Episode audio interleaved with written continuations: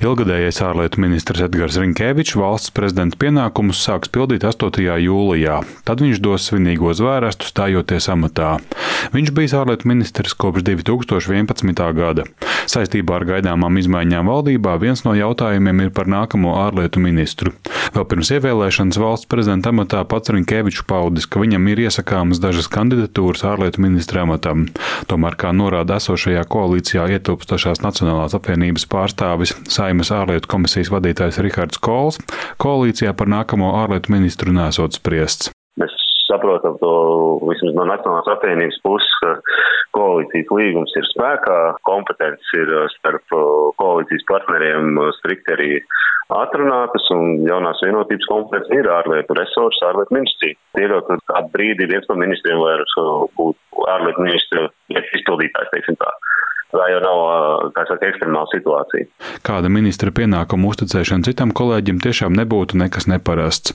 Ministra kolēģis mēdz aizstāt viņiem esot atvaļinājumā vai viņu ārvalstu vizīšu laikā. Ministri cita kolēģi amata pienākumus uz laiku uzņems arī specifiskākos gadījumos. Piemēram, pērn, kad no iekšlietu ministrs amata atkāpās Marija Golubeva, un līdz nākamā ministra ievēlēšanai šos pienākumus uz laiku uzņēmās toreizējais aizsardzības ministrs. Taču pašreizējā politiskajā situācijā visticamāk sagaidāmas plašākas izmaiņas koalīcijā. Tās varētu skaidrāk iezīmēties pēc diviem notikumiem - jaunā valsts prezidenta Edgara Rinkēviča inaugurācijas 8. jūlijā un NATO samita Viļņā 11. un 12. jūlijā. Atšķirībā no tagadējā valsts prezidenta Egila Levita, Rinkevičs nav teicis, ka nevirzītu premjera amatam kandidātu, kurš piedāvā koalīciju ar Zaļo un Zemnieku savienību.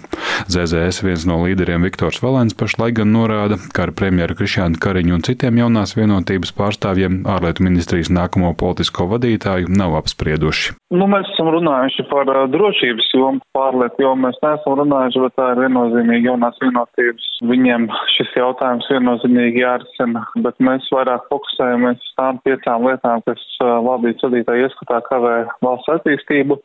Intensīvi piedalāmies šajās sarunās, tādējādi arī mēģinot iekļaut savas idejas, kā labāk uh, šīs problēmas varētu risināt, realizēt zaļo zemnieku savienības politiku. Savukārt jaunās vienotības viens no līderiem, finanšu ministrs Arvils Ašerādens, pagaidām atturējās komentēt nākamā ārlietu ministra izvēli. Mūsu pusē ir vairākas alternatīvas, ko mēs šobrīd vērtējam, bet kā mums ir laiks to darīt, tad pašlaik publiski par to mēs negribētu izteikties no jaunās vienotības puses. Arī premjeras Krišjāns Kariņš šo jautājumu detalizēti varētu komentēt vēlāk.